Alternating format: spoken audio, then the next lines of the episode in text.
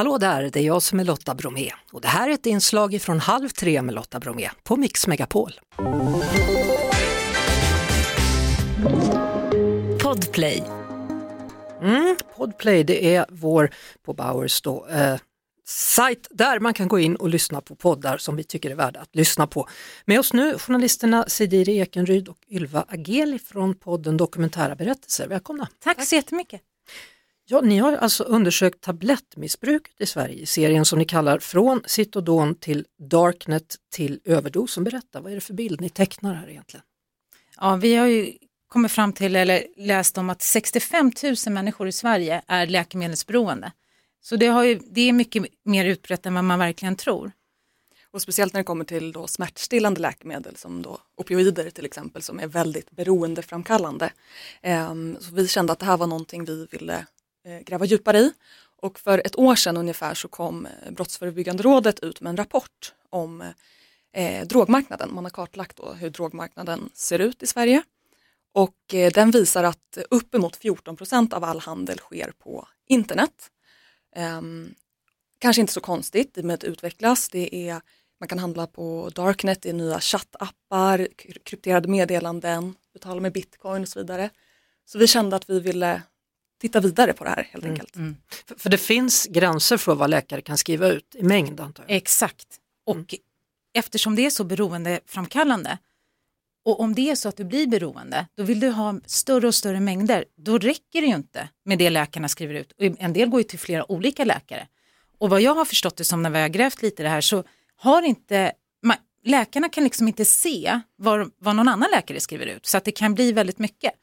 Och då ger de sig ut på Darknet för att köpa till sitt ökade beroende då, då eftersom kroppen funkar så att man vill ha mer och mer för att få samma rus tablettmissbruket då har blivit vanligare. Man köper tabletter som vi säger på Darknet och så tipsar man varandra på forum och då leder det här till att det blir billigare med heroin. Hur då? Ja. Vad är det som ja. händer? Hur funkar ja, det? Det är jättemärkligt för Samuel som vi har intervjuat då, då han började ju när han var 15 år med migräntabletter, Citodon för det, till att han köpte fentanyl på Darknet och så räckte inte det. Och så, frågan var ju här nu, hur kan det bli billigare? Jo, för att det krävs så himla många han pratade om upp till 200 tabletter per dag. Per dag? Ja. Oj. Så då är det ju klart att man då, eller då är det möjligt att man då vänder sig till något annat då, heroin mm. i det här fallet. Ja. Vi ska lyssna på Samuel som ni intervjuar då i avsnitten från Citodon och till överdosen. Och det var verkligen att jag levde dag för dag, behövde hitta nya pengar. Jag var aldrig någon som kände att jag ville skada andra eller råna folk för att eh, få tag på pengar men eh, så det gjorde jag aldrig, så jag hittade alltid andra sätt att, att få det att gå runt genom att köpa in större mängder, sälja. Var vi ett tag eh, nära att eh, prostituera mig själv för att jag visste att det var ett sätt att få snabba pengar och jag var lite i de cirklarna. Samuel, som ni alltså intervjuar då i avsnitten från Citodon och Darknet till överdosen. Eh, hur är det med honom nu? Hur mår han nu?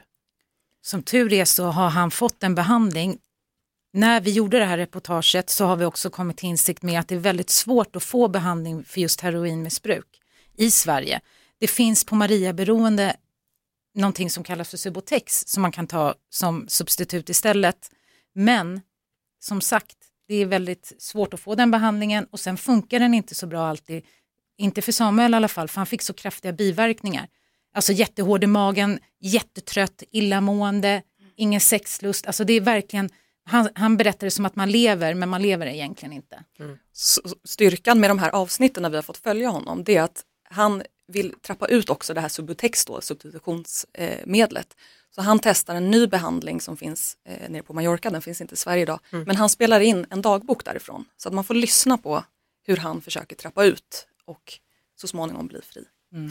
Den här serien finns alltså ute nu då, men ni undersöker också andra ämnen i dokumentära berättelser. Ja, Precis. vi har massa olika kategorier så att det blir en bra mix. Så det är mycket det våra lyssnare säger är positivt med att lyssna på podden. Och då har vi liksom psykisk ohälsa, eh, parapsykologi, tidigare liv, vi har kärlek, sex och relationer, slutna rörelser som scientologerna och sen brott och straff om mord och gängkriminella. Det är åt alla möjliga Det är åt alla- håll. ja. ja men vad härligt. Podplay.se, det är där ni hittar dokumentära berättelser. Tack så mycket för att ni kom hit, Sidiri Ekenryd och Ylva Ageli. Tack. Vi hörs såklart på Mix Megapol varje eftermiddag vid halv tre. Ett poddtips från Podplay. I fallen jag aldrig glömmer djupdyker Hasse Aro i arbetet bakom några av Sveriges mest uppseendeväckande brottsutredningar. Går vi in med hemlig telefonavlyssning och, och då upplever vi att vi får en total förändring av hans beteende. Vad är det som händer nu? Vem är det som läcker? Och så säger han att jag är kriminell, jag har varit kriminell i hela mitt liv men att mörda ett barn, där går min gräns.